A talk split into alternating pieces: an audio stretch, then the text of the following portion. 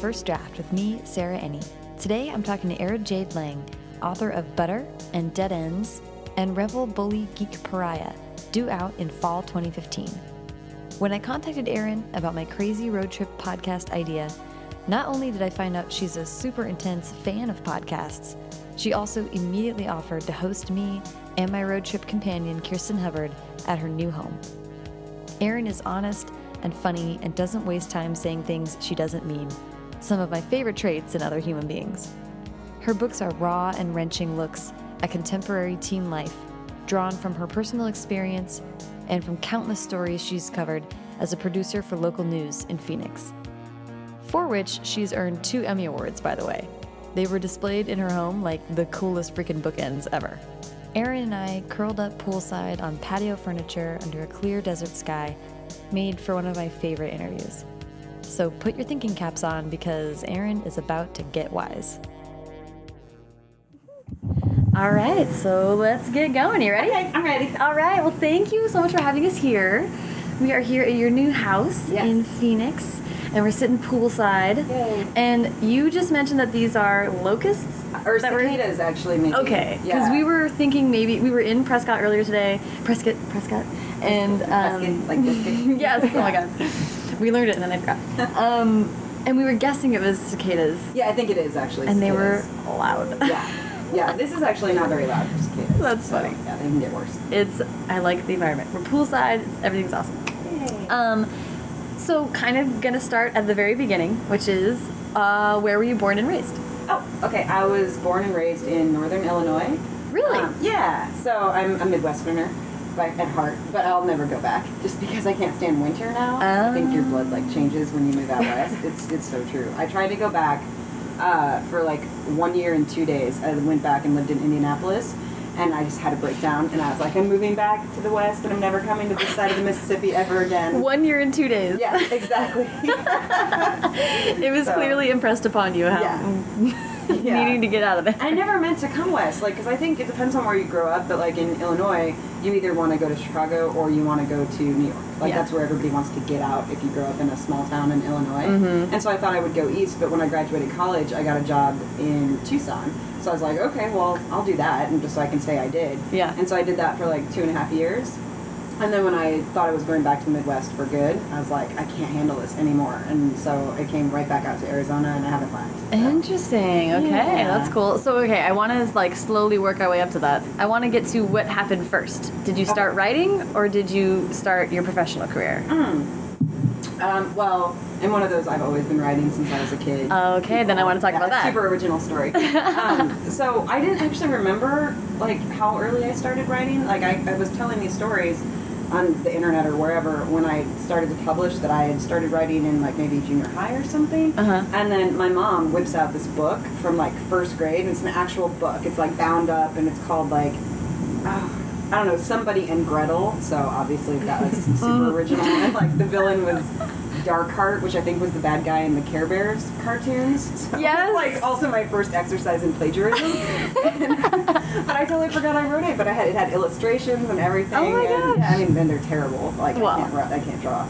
but uh, so that was the first like little thing I wrote. And then I remembered I also wrote like a play about dinosaurs in first grade, and then in I don't know junior high and high school, just started writing, you know, just for fun. Yeah.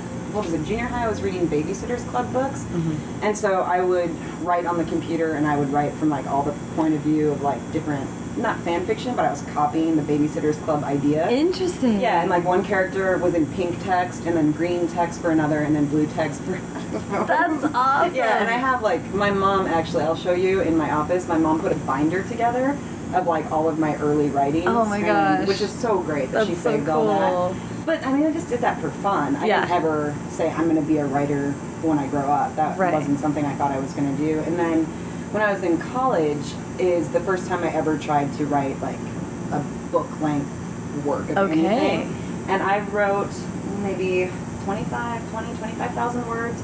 And it took me like a year. And of course, this was like going to be my big, I'm going to write a book thing. And I was really, you know, pretentious college student, whatever, and thought I was doing this big deal thing. And then I got hit with a computer virus. And when I tried to fix it, the program that I used, it was McAfee. Don't ever use their products. Um, it actually quarantined my novel so that it was on. You couldn't ever get it back. So like, not one page of it could I salvage, and I lost everything. And I was like, well, that was a huge waste of my time, and I won't ever try to write anything that long again.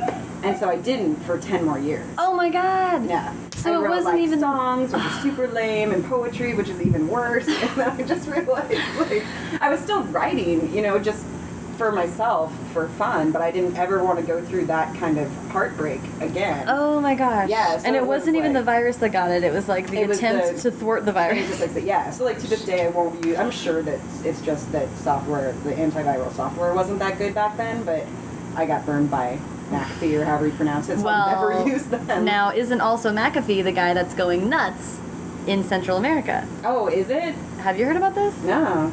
I missed it. Okay, sorry. Um, I will fact check this and get back to you because I don't want to Okay. be on the record saying something. Wait, the McAfee guy, and that's what you're saying, the guy in Yes. Belize on the run in Belize, and he was Yes. accused of Wait, murder. wait, yeah, I wait, heard about that. This is Kirsten Hubbard, by the way. Kirsten Hubbard, who Hi guys. is filling us in. Yeah, yeah, I wrote about Central America travel for a long time, so I did kind of follow that. But yeah. I did hear something. I should Yeah. know this working in the news. I thought he was like he was he lives on Ambergris Caye in San Pedro Town in Belize, and I think he has his house out there. But I thought he was Did he like kill his girlfriend? Or yeah, he yeah, was accused of murder. Yeah, allegedly. Allegedly. Allegedly. He Right. murdered someone and then he was Yeah. on the run and he had like all these crazy stories about him. So it did a little bit turn me off of McAfee. Just Yeah. because I was like, I don't think I want to Well, be Is, is that him, like? Richard McAfee or something? something. Yeah, it's, Something his, like it's his yeah. namesake. Bob McAfee. and there's like I, I, I don't remember how I Bob. Not. Larry. Oh my god. when he goes down in my heart, I'm gonna say it's because he stole my first book. Like, do you remember what that first idea was? Yeah, I do. Um, so, well, it was also like what would now be new adult, which is hilarious because I wrote about a college girl, just because that's what I was at the time, Mm-hmm. and it was just all very meta. Um, it was about uh, a girl who had a huge crush on this guy, but he was sort of a broody moaner. That doesn't sound familiar, right? and, but he never really talked to her that much. But like, she just thought he was really cute and that you know he was nice. And then he kills himself, and it turns out she was the last one who talked to him. And so, you know, she ends up strangely, she goes to his funeral and ends up getting close to his mom because his mom kind of wants to know what was the last thing he said. And as the book progresses, you kind of find out that he was in love with someone else the whole time. And so she has access to like these journals he wrote and everything. And she's kind of falling in love with him after he's died. And then come to find out, but he was actually in love with someone else. So, and she sort of loses her friends in the meantime in the process. And honestly, I don't even know where I was going to go with it because that's as far as I got before it got destroyed, and I just couldn't even like think about it. you Yeah. know? And I had a great um, ex-boyfriend at the time, and we were still friends. He's a fabulous guy. And I had emailed him like the first three or four chapters, and so he had saved them, and he printed them all out, and he gave them to me, and he was like, "Try again," and I was like, "This is only like six thousand words. It's not enough." But Yeah. it was really sweet of him to try. So I have like those four chapters in a folder, but Wow. not like the fifteen thousand words that came after that or whatever. Oof. Yeah, That's So- rough. And I wasn't like trying to be an author, so it wasn't. It didn't even occur to me to try again. I just felt like I had wasted a bunch of time and had my heart broken, and I was like, okay, I'm done with that. So I- Interesting. yeah. So then I was just, I'm a journalist now, and I write for fun in my journals. But That's funny to me that you wrote 20,000 words Mhm. of a book, but Yeah. we're still like, well, I'm not an author. no, no, yeah. or like a writer, No. like a fiction writer. I remember where I was sitting when that I first I was waiting for my friend Dan and he was at like the student union or something and I'm sitting on these steps waiting for him and the campus was totally empty and I started just telling myself this story. I'm an only child too so I think mm-hmm. there's just a habit of like entertaining yourself when you're alone mm-hmm. and so I was just telling myself this story and it was like coming out in sort of prose form and I could not remember everything and I just kept reciting the lines to myself over and over again so I could remember them when I got home and I could write them down. And then I just kept going and going and I was like I think I'm writing a book. This is cool.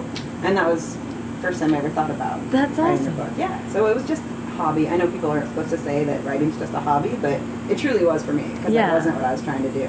Interesting. I was going to be a journalist. Uh, So, so the the whole experience you have, and then you go off and you become a journalist. And you said Tucson was where you landed Tucson first. was first, yeah, and I was there for two and a half years, and then I thought I wanted to go back to the Midwest, Mhm. and so uh, Indianapolis. I worked there for one year and two days. Nah. Yeah, and, And- then it was just awful. It was a horrible winter. Like Christmas Day, the National Guard got called out because people were running out of gas on these unplowed freeways, and I was like, "This is hell. Like people shouldn't live like this." So, and then I was specifically, I didn't have a lot of friends when I was in Indiana either because I was working double weekend shifts, and when you're in your like early mid twenties, it's really hard to make friends working Yeah. shifts like that. Yeah. So uh, I was taking this wine class out in the country, and so I was driving out to this wine tasting class this one night, and it was pouring down rain. People were hydroplaning off the freeway. I had my windshield wipers on max, and I couldn't still couldn't see.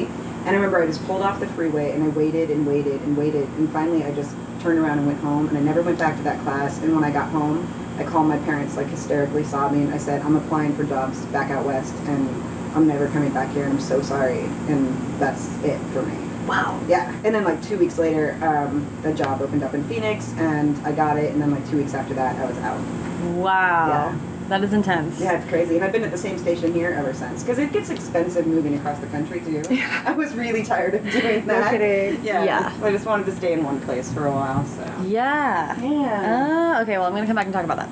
But I want to talk about fast forward. You're you have a journal. We saw a couple of Emmys in your house, which is Something pretty it's like one of those things that's like cool until you have it, and then you're like, okay.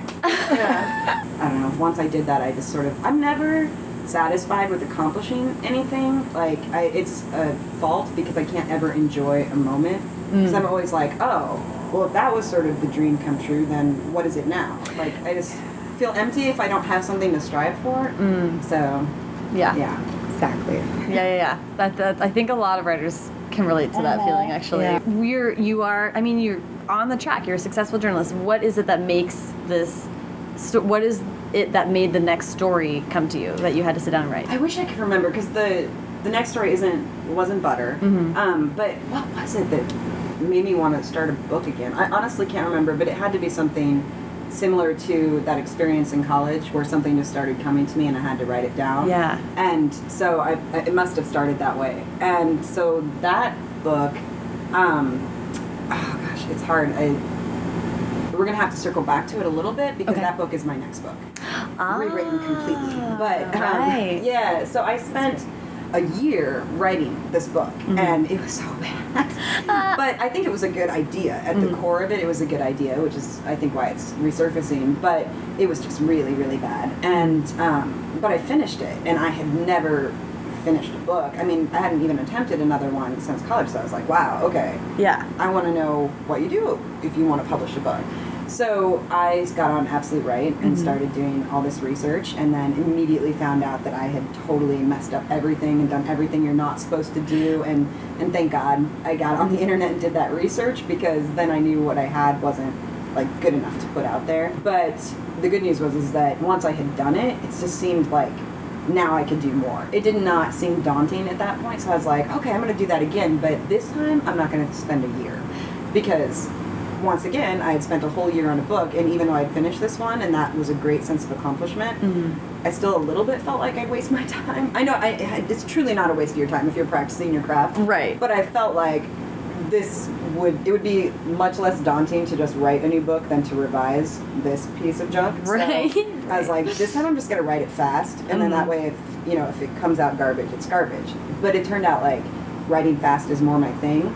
Okay. So I wrote Butter as a nano NaNoWriMo novel, Mhm. and at that point I had had you know at least a year of like research on Absolute Write, and I knew more things. So then I wrote Butter um, in like I don't know. I did it for Nano, but I didn't finish it, so it was like little less than two months, maybe six weeks. Wow. And I was like, and it was so much better than the other book. Yeah. So I was like, okay, now I think I might want to actually publish this. Mm -hmm. And at that point, I was armed with a lot of information already, Yeah. which was fantastic. Yeah, so, that makes all the difference. Yeah. What was the seed of inspiration for Butter? Well, so I, it really came to me in a flash, but that's like a cheap thing to say because sometimes when things come to us in a flash, it's because they're built up from things in your subconscious. Right. So for me, working as a journalist, I mean, like every day we're doing stories of childhood obesity and teen suicide and internet bullying, and these stories are so hard to tell every day. and some part of them just stays with you. Yeah. And I think for me, they just all came pouring out in this one character. Yeah. And um, there's a specific story that I tell a lot when I visit schools and stuff, and it, this was not at all intentional, but there was a this boy a few years ago in Florida. He was 19 years old, and he actually did commit suicide live on the internet. And one of the challenges I faced when I was trying to get Butter published was explaining to people like people like this would never happen. Somebody would tell. And so I tell the story of Abraham Biggs. He went on the internet and he said, I'm going to commit suicide. I'm going to do it here live on Justin TV on this live video chat feed. And here's how I'm going to do it and what time I'm going to do it. So you would think people are either going to ignore that because it's the internet void and what are you going to do? Answer every cry for help? Or somebody's going to call somebody for help. So instead, like over 1,000 people signed online to watch him do it. And he did. And I'll never forget the footage because there's some things I get to see working in TV that we don't put on TV. But I saw the footage when he laid down and he never got back up. And then I also saw it some 12 hours later, I think, when somebody finally called police. And the last shot is this uh, marshal or deputy or whatever he is, and he turns his hand to the camera and turns it off. And I actually forgot about that story because it was just, it happened in Florida. It wasn't a local story for me. We didn't spend a lot of time on it. I probably wrote like a 40 second story on it. Yeah. And then when I had to defend Butter, though, Abraham Biggs came back to my mind. And it makes me think that I think sometimes stories like that are so powerful, they just sit in your subconscious and sort of become a part of who you are. Yeah. And then come out when you least expect it. So Yeah. it was certainly not intentional, and their stories are totally different, but just the sheer fact that that can happen on the internet is really, really real. So And the fact that you met resistance Yeah. and people believing that it didn't happen I know. is further evidence that the story needs to be told Right, and right. discussed. Holy crap. yeah. Um, I admire people though that, or I envy people that think that wouldn't happen. Right. Because that means they're fortunate enough to be in whatever society or community or schools where that wouldn't happen, and good for them. they are living in a better happen. world than. Yeah, yeah. I wish I did. right. Oh, especially, yeah. Well, especially in your p- particular job. Yeah, I always say reality is like so much worse than fiction. Like, there's no such thing as anything contemporary fiction that wouldn't happen. It's, Yeah. it's all happened, and I've probably put it on my newscast. Yeah, and it all has uh, less satisfying endings. Like something that I struggle with a little bit, and maybe you feel the same way because we are both journalists and we write fiction for fun. In both instances, you're trying to take sort of real world things and make a struct, give them a structure, Yeah. and give them an ending, An ending that's hopeful instead of horrible. right? Yeah. And that's not how life works. Right. And it's really tough to sometimes realize that you're thinking about your life as a story Yeah. and there's an ending and it's like, well, no. Right. we know what the ending is. Right. And we're not looking to get there. We're, Right. you know, we want to enjoy the moment, but it's hard to separate that way of thinking Yeah. sometimes, I think. Yeah. But in speaking of journalism, I'm curious about you wrote a story in college, but then you come back and you have all this time of storytelling, and you know you you are writing as a you're a journalist, you're writing and you're telling stories visually, so you have a lot that you're doing as far as putting together stories. Yeah. And so, how does your day job like influence how you write, and vice versa? Well, that's interesting. Um, well, I think it. You know, one thing about YA is the pace. You know, and working in TV news specifically, there's like brevity is everything. Yeah. You know, the short VOs or voiceovers are 20 seconds, and Yeah. that's the average. And a package is, you know, when a reporter has interviews and they put a whole piece together, Mhm. that's a minute and a half tops. Wow. So yeah, it's it's everything, and I have to try and get like 20 stories in my 30 minute newscast plus weather and commercials. Mhm. So I think it's made my writing probably a little bit more just not not better, but more focused toward what works in YA. Mhm. In that it's got like more speed and a let's get to the point kind of a feel. Yeah. Um, and I, sometimes I wish that I could let it breathe a little bit more. So if I'm in the middle of a project, I'll get up at 6 a.m. Mhm. and write for three hours until I have to go to work. But then all my creative juices are flowing. So by the time I'm at work, I'm not writing just the same old way I would write any kind of shooting downtown. Mhm. And maybe I'm using a few more adjectives or something like that. Right, So right. I think they feed each other, but it's also kind of exhausting because I'm not one of those people that can come home at night and write because I am totally spent of Mhm. writing by six o'clock.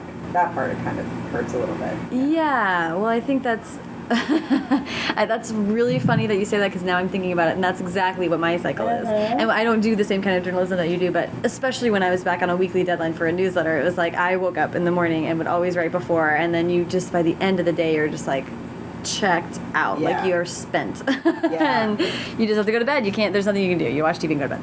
And the mu- brain's a muscle, and it gets tired. Yeah. It needs to rest. Yeah. Yeah. And if you tried to sit down and write, it would be just so atrocious at that point. Yeah, and I actually have done that, and I always find it's just such a waste of my time because, like, if I'm on deadline, like, I'll panic and I'll be like, I have to write tonight. But all I end up doing the next morning is rewriting all the garbage I wrote the night before, and I'm like, I could have just gotten a better night's sleep, maybe done the dishes or taken a shower, and just gotten up and written something fresh in the morning. And bizarrely, that's the kind of lesson that needs to be learned and relearned. Yeah. Oh, yeah. Exactly. Exactly. What's the definition of insanity? Right. Writing a book. um, so, okay, I read an interview where you you mentioned something really interesting, which is that setting out and writing Butter, you didn't necessarily you weren't like seeking out like an issue book or to Oh, right. discuss tough things. But then, of course, after Right. Butter is published, you are confronted with people dealing with the the issues you just mentioned earlier that are, are prevalent in butter Right. um, obesity and internet bullying and teen suicide and you mentioned that you didn't necessarily feel you were prepared for that how did that go and and how, what did you learn from that Um, I'm still learning. I really just sort of naively had this like dream that if anybody ever emailed me or messaged me or sent me a letter, it would be like, "You're so awesome, you're my favorite author," like fan mail, right? Yeah. And occasionally that happens, but that's kind of rare. Um, what it really shocked me when I started getting stories from people that are I'm going through the same thing. I struggle with my weight and people don't understand. And more frightening is when I get emails from teens who are feeling suicidal or they're harming themselves and things like that. And it makes me panic. And so it's all these things that um, people telling me they're really personal stories that if they're joyous stories, great. You know, you lost 100 pounds this year, you rock, and I celebrate with you. Yeah. But if it's, you know, I've been struggling to lose weight and I can't, and so I've been cutting myself, and I think I'd just like to end it all, there's an obvious response there, which is here all the people you can call for help. But at the same time, they didn't call those people for help.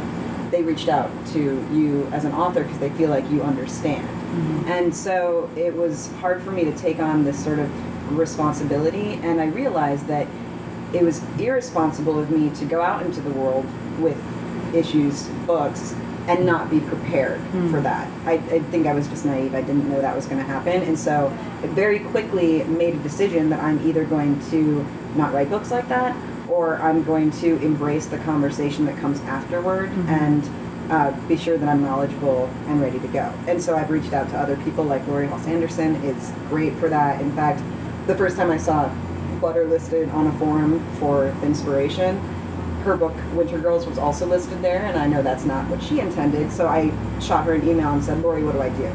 And so she's given me some great advice on how to respond and how to handle that stuff. But I still struggle with it because, you know, every once in a while you get one that you still don't know how to respond to. And, you know, for the most part, I'm trying to embrace it. Like, I'm honored if people share their personal stories with me, but I had not prepared myself for that. that's really i mean i'm glad that you are talking about it because i think that is Yeah. something that people I, w- I certainly wouldn't think about it either i really wouldn't but i can only imagine how immediate that was mm-hmm. and you're you think about your book as one thing and and you've been living with it as one thing and then immediately it is not yours anymore of course Right. we all like all writers deal with that but also it's something so meaningful and different to so many else. other people Yeah. Crazy. And it's hard too because there's um like I tried very hard. I'm this is probably why I'm so bad at social media, but like because I'm also a journalist and because it's so important to stay like objective as a journalist, there's a lot of things conversations online that I feel really passionate about that I cannot join the discussion. And so that is really tricky. And so just in general, I try to keep um a, pretty much a big distance from the internet and like my personal feelings about things. So it's if I didn't have the other job, I could probably do more like Laurie does with her blogs, where she can adv- like be a real advocate for certain things, and I would love to do that. But I just don't feel that I'm. I'm in a little bit of a tenuous position where I can't do it, Yeah. and so I just try to do it on an individual basis with people. But I really wish that I could someday, if I just write full time, then I could also have resources and things online to help people. So if they seek out my website but don't have the courage to write me, Mm-hmm. then that kind of help would be available for them there. And so that's something I'm still trying to figure out. How involved in that do I want to be? Because I still write fiction. Mm-hmm. You know what I mean? I'm still Yeah. I'm not an advocate for any certain issues, and I'm not Right. an expert. Right. So I have to be careful how deep I want to go into any one issue. Yeah. Yeah, because I'm a fiction writer. Right, Right. right. These are, yeah, yeah. Ultimately, these are not. You're not a reporter who can answer in a, in that kind of a way about this. Right. Oh, that's so fascinating. I could talk to you for a couple hours about just that. Um, but I, I think it's really important to talk about the fact that you are dealing with because a lot of people are writers in more than one way and have to deal with the kind of the, uh, the ethics. It's an ethical Yes. question, and and it's, it's one that doesn't have an easy answer. So Yeah. so okay, I do want. I'm going to sort of. mo- We will go back to to Rebel Bully Geek um, Pariah, but I do want to talk about Dead Ends as well. Okay. So I heard that Dead Ends, which is your second book Yes. after Butter, that you wrote that in a month.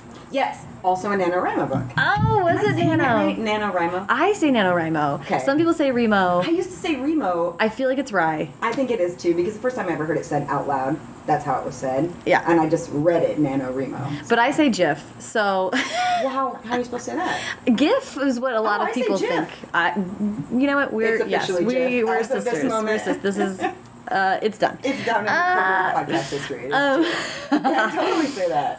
Uh, so that's so that timed out that Yeah. after butter sold. Well, Butter sold in October. I think. And then everybody told me, like, you've got to get your mind off of it because you got a two year wait till publication. They're not even going to talk to you again for like another year. Yeah. And so I was like, I had this other book in mind. So I was like, okay, well, then I'll just spend the month of November doing that and that'll get my mind off of it. And sure enough, I wrote, that was, the first draft was like 60,000 words. I think it's a lot longer now. But I wrote like all 60, I think, in the month of November. Wow. So it was another NaNoWriMo book. Wow. Uh, yeah, and That- that I never thought they would buy, but they did. That's excellent. Yeah. How did that idea uh, come about? Um, so that one was. This is gonna sound bad, but like the voices in my head. Yeah. You know, I'm totally. I'm actually. I know a lot of people feel like their characters are voices in their heads, and I'm actually not. Like, I feel like the boss of my characters, and I tell them what to do. I'm not. Mm. They're not speaking through me. And I'm not channeling anything. But most of my books just start with like uh, lines of text that Mm. come to me, and I write them down and build out from there. And in the case of uh, Dead Ends, the, it was the voice of these two boys, and they would be having conversations, and it was just coming to me like lines of dialogue, and not really anything else, no sort of prose in between or anything. Interesting. And they would come to me like so fast and furious, and I would be in my car driving to work, and it was too much to remember to write down Yeah. later. So I started recording them into my cell phone, like while I'm driving to work, you know, with both hands on the wheel. sure. Yes. Don't drive and voice record at the same time. but I had to because I couldn't. It was so much, and it was coming out so fast. But at the time, because I had just sold butter, mm-hmm. I was trying to write something else. I was preparing to write for Nano, like something really commercial and that's totally going to sell because now I'm going to be an author because I Right. sold a book. So everything I write from now on has to be something that's easy to sell and market. Mm. And I didn't know what these boys were talking about. So when I would go home at night and transcribe my voice notes into a you know Word document, I would mm-hmm. just call them dialogue exercises. Ah. And I created this whole folder on my computer, and that's all it was. But eventually, I had probably some 10,000 words of dialogue. Of exercises. dialogue. It was just these boys, and I didn't even know who they were or what their story was. So, and obviously, it was the story that wanted to be written, and the other thing I was trying to write had no heart and no voice, and so I abandoned that just in time for Nano to start. And I decided I would just use that month to figure out what these boys were talking about. So I wrote them a story, and uh, and I was like really excited because I wrote it fast and I got it all out. And then I sent it to my critique partner, who said what I knew she would say: "Great characters, no plot." Oh, yeah, Man. And uh, and my my other uh, critique partner agreed. So I ended up spending the next nine months rewriting the book entirely. Ah. And the only things that stayed were some of those first dialogue exercises. Really? And they just got shaped into a new story. I do that too. I write the book that it's not. Right. Before you write the one that is. Yeah, and then it's like, oh god, all right, well, let's start over. Um, so that's so fascinating. I love that. I wrote here, how do you write so fast? I heard. Do you know um, Ilsa who Yes. writes- Oh my God, I love Ashes. Her. Oh yeah, Ashes was great, and like Draw the Dark. She can write everything. Oh. She also does like um, self-publishing, and she does uh, is it Star Trek or Star Wars? One of those. She writes some of those books. I don't know if it's a ghost writing I didn't thing. know that. She does everything. That's incredible. But I saw her speak once, and um, she said something that I have adopted for myself, which is I write better when I write fast because I get out of my own way. And it's so true. And I was like, that's why that first book, when it took me a year to write, was garbage. And the other ones, when I wrote them fast, came out great. Yeah. And of course, I mean, they need a lot of revising. Right. You know, Butter needed a lot of revising too. But it's a lot easier to revise when you've already had that first victory of getting to the end. Yes. So from then on, I've pretty much determined that if a book is taking me longer than 30 to 60 days, or if I want to take a week off and I don't even want to write, I just stop writing it. Like Wow. I'm not a champion of, you know, sit down every day and write until it comes out. Nah, I got enough ideas that I'm like, if it's not coming out, then I'm over it and I'll write something different. Right. So and you it can should always be easy. It shouldn't be uh, the difficult part should come in revisions, but the first draft should just be like joy and fun. And if you're if it's a chore, then why are you doing that? Wow, I really like that. Actually, that's like inspiring. I'm like, hmm. Yeah. First drafting being a joy. Hmm, what does that feel like? Um, so the thing that I that I think is so interesting about your catalog that you've uh, that you've created so far is that there is a common theme of bullying. Yeah. What, what's that all about? it's totally unintentional. I, I've had to explore that because people have asked me that, and I've had to think about why, why is that? Because Yeah. I did not intend to set out and write about bullying, but to me, I'm just trying to write about the most important thing is that it seems real and that it's reality. And I mm-hmm. think because for me, bullying was a part of my growing up just one particular year, but it was mm-hmm. there and it leaves this imprint on you forever. Mm-hmm. And so to me, it's not a realistic book if it doesn't include bullying. Like that is just to me one of the threads in the whole fabric of the teenage experience. And so it's not really realistic if somebody's not being cruel to somebody. Do you mind if I? Well, I'll ask, and you don't have Sure. to answer. This one year, what was the circumst? What were the circumstances? Um, it was my seventh grade year, and I traditionally like don't talk about this stuff online, but I actually don't mind talking about it on a podcast Okay. because at this point I talk about it in my talks to students and bookstores and Okay. things, so it's not like it's a secret. But um, mostly it was just uh, just words. Like nobody was like ever physically abusive to me, but it's interesting because at the time that's what I thought bullying was was physical abuse. So only in retrospect can I look back and because you know we didn't have mean girls when I was in seventh grade, which Right. I won't tell you what year that was, but sometime in the eighties. so um, it was you know I didn't I didn't really know that's what was happening to me. I just knew that I was in hell every day from 8 a.m. until 3 p.m. Wow. And it was I don't even know why to be honest. I really feel like sometimes at a certain age kids are just spinning around in a circle with their finger out and whoever it lands on is the target because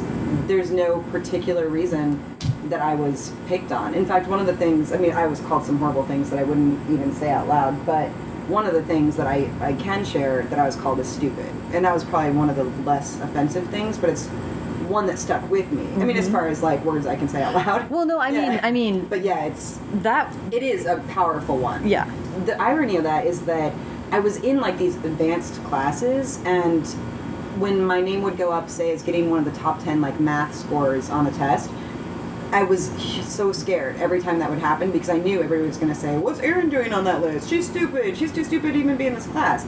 And yet, here's the evidence that I was one of the Right. Right. So obviously, it wasn't based in anything factual, but at that age, when you're like 12, 13 years old, you really put so much emphasis on what other people think of you instead of defining yourself from within. Mm-hmm. So even though I was succeeding, I thought, well, I must be stupid because clearly they're seeing something in me that I don't see in myself. And thank God my parents moved me to another town and another school district, and I got to start over and had an amazing time. And my friends in high school are my friends to this day, and I was involved, and I was so fortunate to have just been able to get a fresh start.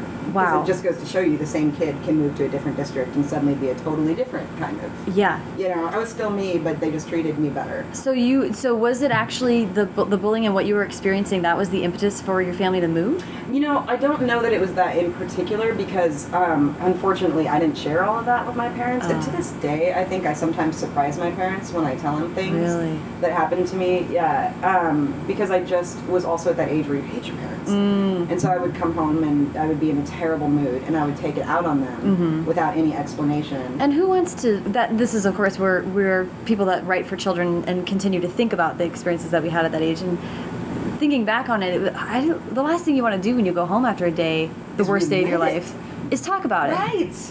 I- Yes. and and I did that too, where I would just be sullen and quiet, and I wanted my parents around, and I wanted to talk to them, but about anything else. Anything else? Yeah. And and that's so that's that's so hard. I mean, hard for your parents, hard for you. That's Yeah. that's not a winnable situation. But so so you moved for several other Well, I reasons though think too. they knew something was wrong. Mm. I mean, I was clearly unhappy, and they knew something, and I wouldn't talk about school and stuff like that. So they clearly knew something wasn't working. Yeah. And also, my dad worked in that school district, and I think he felt that he didn't want me to go to high school in that district, and so that was part of it too. Mhm. But definitely, like, they knew something was wrong. Yeah. And when my dad, I remember the day he like picked me up and said, "We're gonna go drive through this neighborhood because I think we're gonna move this summer," and I think he wasn't sure how I would feel about it, and I was like crying. I was so happy. So I think then they they really knew like Yeah. something had changed. And I had also gotten into a little bit of trouble because that's sort of the other thing that happens is when kids are mistreated, they tend to go into sort of like an angry spiral and make mistakes and then sometimes become bad guys in their own right. And so for me, the one person who made me feel like I was cool was my cousin, and she's amazing. But we were young, and we were, you know, making not so amazing decisions, and uh, we stole from a department store, Mhm. which I swear has come back to haunt me um, because I've had my house broken into, and I've had my purse stolen, and I know it's karma for that mistake I made then. no. But uh, th- so I got in trouble like that, and Uh-huh. so they knew that they hadn't raised a kid who made those kind of mistakes. So I think they knew something was going on. Yeah. Yeah. Yeah. That's incredible that you got that opportunity to start Oh yeah, because so many kids don't. Yeah. But it haunted me for forever because I mean, when I got into um, college, I mean, I worked really hard in high school, but I was focused on my extracurriculars because I wasn't confident about my academic skills. I think because of you know what kids had called me in seventh grade. And then when I got to college, I remember distinctly there was this one journalism course in Mizzou where I got an A plus, and I was totally freaked out because I didn't, you know, want anybody to know because nobody would think I really earned that. And then my professor, who was also working at the TV station, thought it was funny. He'd be like, A plus Erin Lange. And every time he saw me, he would point and say, A plus Erin Lange. And I would just like, my gut would twist because I didn't want anybody to know that. Because surely nobody would think I deserved that because probably they could all see in me that I was stupid, same as those kids in seventh grade saw. And then when I became an adult, so everything in my life has always been about like trying to overachieve, but I don't want anybody to know about it. And uh, when I became an adult, then I took uh, the Mensa admissions test, and like to this day, I'm a member of Mensa. And I don't participate at all because I, I swear the whole reason I joined Mensa is just to prove to myself that I could. And at some point, I think I just finally, like, I still carry the card and I still pay my dues every year. Yeah. So there must still be some part of me that feels the need to prove to myself Yeah. that I am not stupid. Yeah. But for the most part now, I, I realize that, and I think I had to hit like 30 before I finally accepted Yeah. that like it matters what I think about me. Yeah, I mean Yeah. that is that's incredible. Well, wow, well, I appreciate you sharing that. That's Yeah, like really, sure. and I'm glad that you're able to share that with school, like kids Yeah. going to school visits and stuff like that. That's incredible. And kids are so sweet. Like so often they'll come up afterwards and they'll be like, "You're not stupid." And like I'm like, "Oh, I love you guys," you know, because so as much as like. I get that from within now. Yeah. It's really really cool that like they're making this extra effort to like Yeah. You know, because I think sometimes if you don't say, I was hurt and this is how I was hurt, kids don't know they're hurting each other, you know? But those same kids, if you say so, say, oh, I'm sorry, I don't think that about you. Yeah. You know? That's really powerful. And I think it's interesting because in Dead Ends, it's from the perspective of someone that might be considered a bully. Right. And how he sort of figures out what the impact he's having on, Yeah. on people. I mean, what was it like to get in his head? Um, so that was so interesting. I mean, I love him, and honestly, in my heart of hearts, he's not really a bully. But that's because I wrote it from his point of view, and in his point of view, he's not. So Right. as as his creator, I have to agree with him that he's not. But from an outsider's point of view, he sure as hell is. The thing is with that is in Butter, uh, I tried, I tried, and I'm not sure. I know a lot of people just hate all the bad kids in that book. Um, but what I tried to do was make those bad kids, some of them, not 100% bad kids.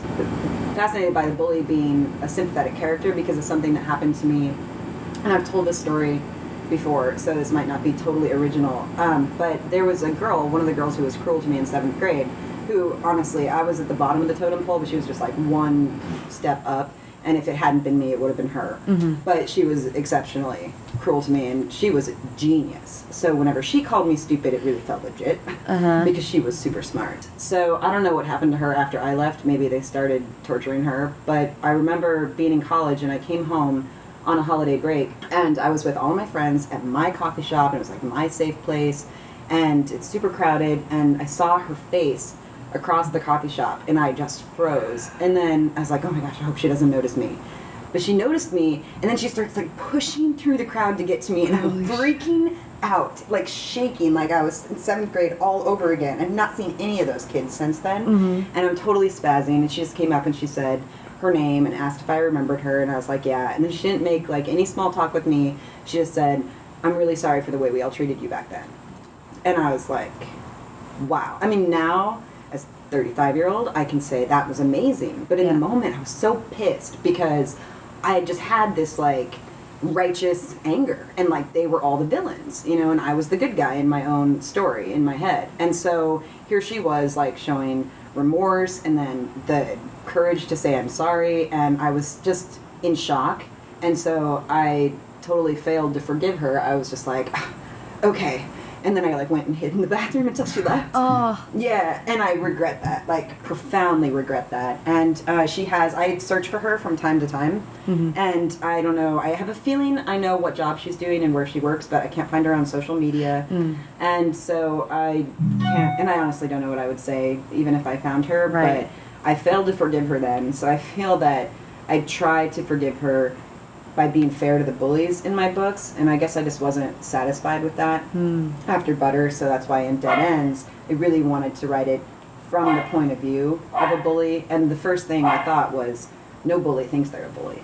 So, and I also usually think sometimes that stuff is either coming from home or, you know, from somewhere outside, and it's just being transferred through right, to someone else. Same way Wow. as when I was getting bullied, I went home and mistreated my parents, and it was horrible to them. right. So and it's not always the case. I mean, some people just have cruelty in their DNA and they're going to be cruel their whole lives. But for the most part, I just think kids are just, you know, there's just this point you go through when you're so emotional and you're angry and you're passionate and you just feel everything stronger than you will ever feel it in your entire life. And for some people, that comes out as rage. Mm-hmm. And even if they're cruel and they're the bad guy, there might be something else going on where they're the victim. yeah. So that's what I was kind of trying to explore Yeah. With Dead Ends. well, that's huge. Yeah.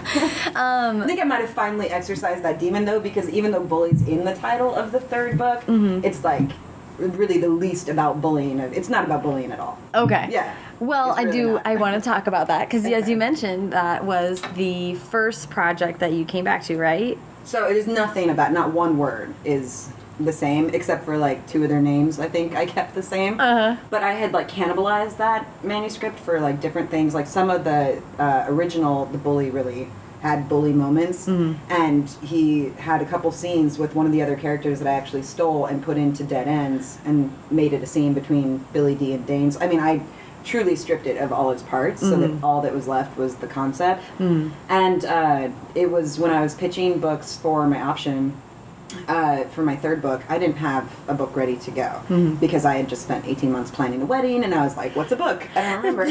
so, so they were like, "I was like, I'm sorry, I don't have anything," and I figured they'd just come back to me in six months, and they were like, "Okay, that's all right. We want to uh, see your ideas," and I was like, "Oh, okay." So I threw a bunch of ideas out there, and the one that stuck was this one. So that was I was like, "That's crazy," because that was my first book that nobody will ever read, Yeah. and I you, rewrote it all over again. yeah. Yeah. Do you want to just give us the quick pitch for it? Yeah, so uh, Rebel Bully Geek Pariah is about four teenagers who uh, seemingly have nothing in common until they accidentally commit a crime and they have to go on the run together until they can figure out who to trust. And it's just told over the space of 24 hours and where they go and how they figure out to trust each other, really. So it's very different in that Butter and Dead Ends were very much the uh, focused on one character who had a personal journey to go on and several months to go on it. And in this book, uh, as the title kind of indicates, they already kind of are who they are. So it's not about one individual journey, but more about when you've got these four types, how do they interact with each other and which one really is the rebel or the bully or the geek or the pariah. So That's yeah. so cool. Yeah. Ah, that's awesome. Well, Um, so it'll, it'll be really different. So it'll be interesting to see if it appeals to the current readers or to different readers. and- yeah. Yeah. Um, and how long did it take you to rewrite? Um, so since I basically just wrote it from scratch, that one actually took a few months because it was, well, I put it off writing it for a long time um, because I had things going on and we had sold it, but I just felt like oh, I have all the time in the world to write this book because all my books always just come out in like 30 to 60 days. So I'll just pick a month and then I'll write it and that'll, yeah, so it Yeah. didn't work out that way. um, that one took longer just because uh, having we I sold it I think right before our wedding. So it's like then we went to Fiji and then we went got home and you know put our lives back together after Yeah. like you know all this wedding planning and then trying to you know learn to be husband and wife and I have this other priority now. Right. And so I just put it off and put it off uh, working on it and I was even kind of working on something else. And so when I finally sat down to write it, I realized it was going to be a different sort of challenge because even though it was just the concept, there's so many things that I could just moments or beats that I remembered from the first book, and I found myself trying to kind of recreate those, uh-huh. and then they wouldn't work, so I would backtrack. So the problem was I spent a lot of time backtracking and starting over and starting over and picking new places and redoing the main character, and so it was really a matter of finding the proper starting point. point, and then once I did, I think it took six weeks. Oh But wow, There was so much rewriting of the first half of that book took months Wow. until I finally got the right beginning. Interesting. Yeah. So, and that was sort of what I wanted to talk about was a little bit of re, of the challenges of rewriting, Yeah. because it's really hard. Yes. I just rewrote the first book. Well, not the first book, but I rewrote a book, and like I don't know if you felt like this either, but it took a long time, and I felt like I was losing steam, and I constantly in the back of my mind was thinking, "Is this a mistake? And are you wasting your time?" right.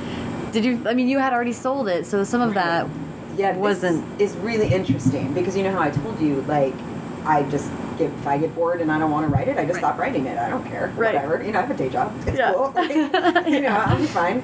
And I'll just write something else. But this is the first time I've ever written a book that I was under contract to write. Yeah. And it's a whole different beast because not only does it have to be this book, but you have to do it on deadline. And what was hard for me is I felt like I had to stick exactly to the outline that I pitched. Oh. And what finally happened was I realized they bought the idea, but I'm sure they trust me as an author to take it in a different direction. And if they don't, they'll let me know in my editorial letter. Yeah. And so I had to just give myself some freedom to write the book I wanted to write and stop looking at the outline that I had submitted. Mhm. And that helped a lot. Yeah. And then I was able to just keep going. But honestly, don't know if I would do that again to sell a book before I had written it, uh, just because I don't, I don't know. It just didn't feel quite as organic, you know, being on a deadline and stuff. I think a lot of people struggle with that. Like, the, especially the first time they do it, it's like, uh, this doesn't Yeah. feel right. Like, Right. this isn't Right. the creative process that that you've always known, Yeah. and it's really hard to do Mm. something with expectations weighing on you. Right. Which it was for your second book, but in a different way. But in a different way. At least that one was done. So if they, you know what I mean? Like Yeah. I wrote that one for me, and I guess that was part of the thing is, am I writing it for me first? Because Right. if it's not entertaining me, it's not going to entertain anybody else. right. And so I have a fourth book because it was a two book deal, and so I have this. I'm dead set that I really want to have a book finished Mhm. and turn in. And then even if that's not the one they want for the fourth book. It just feels better to pitch a whole book Yep. than to just pitch an idea. Yeah. So that's kind of my goal for the next one. The thing that we were talking about with the with this particular book, with your third book, is how like taking tropes and stereotypes and like messing with them is really fun. Like Yeah. it's just gets your mind worrying right away. And it is pitched as like bre- the Breakfast Club on whe- on Yeah. the- on the run or on wheels On or wheels, yeah. yeah, which is such a great such a great tag. Um, so like how did you pick these tropes? What was like fun about messing with that? Kind of how did that play into your creative That's process? interesting because it goes back to that first book and trying to remember where it came from, and I just Mm-hmm. can't remember where that first one came from. But you know, probably some part of it is growing up in the '80s. Yeah. and it wasn't even just Breakfast Club, but like that whole pack. Oh, yeah. Every time they were in a movie together, somebody played some sort of extreme, Mm-hmm. and uh, I just thought it would be cool to try it in a book, and we'll see how if it works. You know, Mhm. because there's something about if you think of the Breakfast Club exactly. Mhm. Imagine if that was in book form. Sure if that would be half as interesting. Right. You I mean, it would. Yeah, it would depend. So that's why I feel like it needs needs action. It needs something to propel it forward. yeah. Uh, so it's it's tricky, but I also just think nobody's 100% whatever stereotype. But also probably if they are stereotyped, they've done something to Mhm. earn it. So there's a little bit of it, it's truth, and then 99% of it is we're more complicated than that. Yeah, So- well, that's the fun, right? To set up the stereotypes so you can knock them down, like Right. to subvert them and find different ways to play with them. And Right.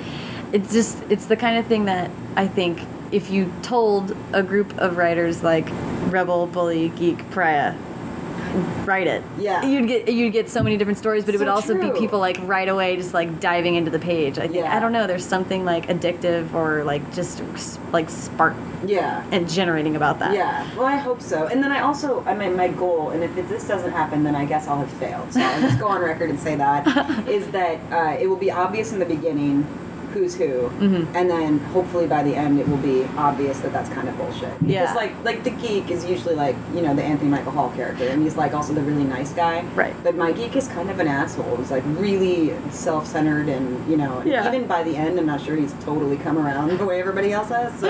Oh, that's you know, awesome. Yeah. Um, well, I'm super interested to read it. Hmm. Um, we've been talking about this a lot. Is your your- like your most recent blog post that I saw was you saying like I quit. I can't blog anymore. Yeah. How did that? How did you come to that? You know, I just well, first of all, I was a really bad blogger, and it was at the point. I mean, it's so when you're doing like Absolute Write, and you're Yeah. still learning about everything. There's so much to say because mm-hmm. it's like personal exploration, and I feel like that's what a blog is. At least for me, Yeah. it was the personal exploration. Mhm. But then when I got to a point where I was like, I've learned a lot of stuff, and now when I blog, I feel like I'm telling people how it is. Mhm. That's just not interesting to me. I don't want to tell anybody how to do anything, or Yeah. you know, that's just Totally. when I stopped exploring certain things myself that you get to a point too where you can't talk about stuff like really interesting things are happening that I can't talk about Yeah. um and you know like I really want to bitch about publishing right now and I can't, can't Yeah. do that Yeah. so I just got to a point where every time I was blogging it was starting with an apology that I haven't blogged in so long and yeah Yes, and been through I that was too. like oh man that's the worst I can't I can't be that blogger Yeah. and it was like every time. Yeah. And I finally realized like if I told my husband the reason I used to have more time was because I wrote as my free time. That's what I wanted to do. I chose to do that as my Yeah. entertainment. But once I published a book, all that time that was writing, now I have to answer emails or approve like covers or you know book this event or I mean it's not like I'm so busy, I'm not such a big deal, but it, there really is like this whole business aspect that takes up more and more hours of your week Yeah. the farther you get along on the publishing path. And I just realized like I can't also do all of this blogging social bullshit. Like Yeah. sorry. No, I just can't. yeah. So I had to let something go. Yeah. And I actually I like Twitter because it's quick and I don't have to like think so hard about it. Yeah. And, uh, Facebook I'm I feel like Facebook is kind of on the way out, but Yeah. but it's a nice place to put pictures Yeah. if somebody just wants to go and see, you know, an event or something like Mhm. that. So I don't feel like I have to do it all the time.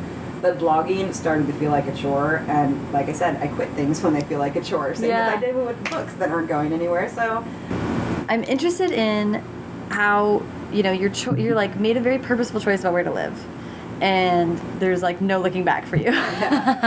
so I'm curious about how setting and like being in the West and being out here and like, I mean, do you feel like you love the West now?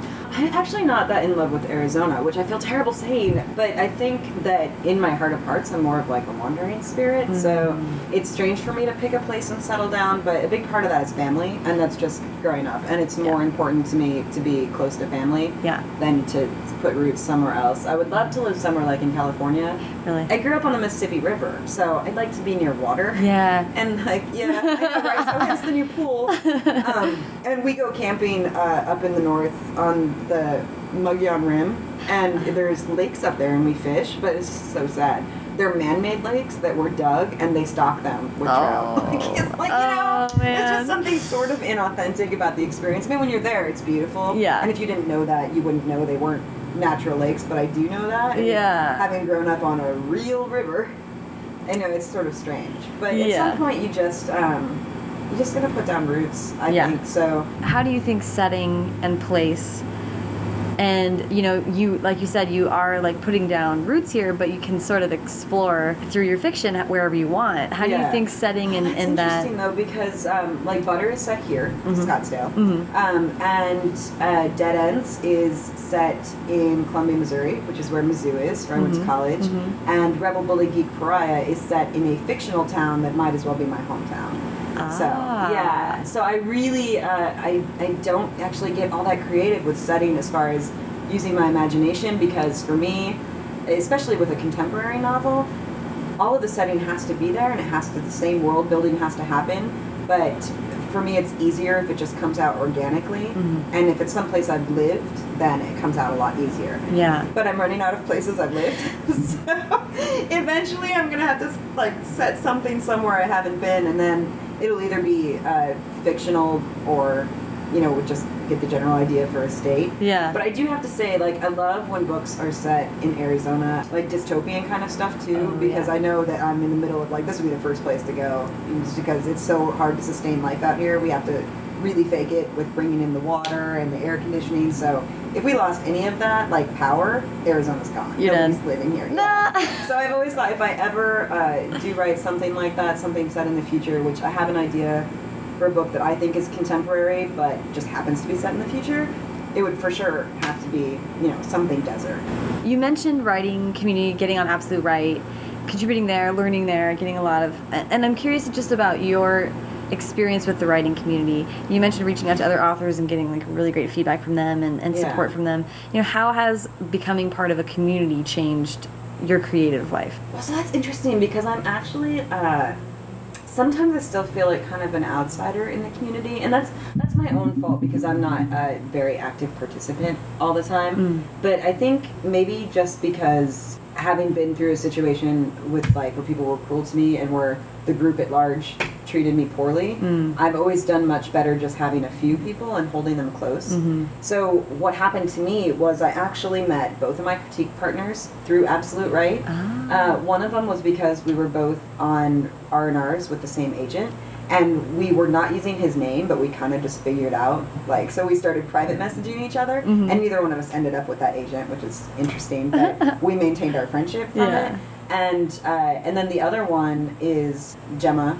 So who we Mhm. talked about her earlier, Mhm. um, who is now an agent. So lucky me, I like Yeah. got grandfathered in, but nobody else could probably get her to critique their work. uh, but at the time, that was like she just saw. I posted, I think, the first chapter of Butter or something on one of the forums on Yeah. Absolute Write where somebody could critique it. And she actually sent me a message and just said, I think this sounds really good, and if you need anybody to critique it, let me know. And I had just started getting rejections on the full, Oh. and I knew I needed editing. A lot of people were saying the same thing. So I was like, yeah, actually, could you read it for this? And then she ended up being amazing, and she's great. I mean, we were just there and got to meet her and her husband for the first time. And so we've been friends since, gosh, what's that been, like four years now? That's awesome. That's crazy. Yeah, and then they're coming to stay with us in November. And Oh, that's so cool. yeah, so for me, it's like I do better nurturing like a few really close friendships Yeah. and confidences. Okay, and then and then I've sort of been wrapping up interviews with advice for new writers. But I'd also like I'd like to hear from you like advice for new writers, but also something you've learned from being someone that has multiple books, like someone that's starting out on the publishing career. Like, what are some things that people's just starting out with like a debut novel might be helpful for them to know?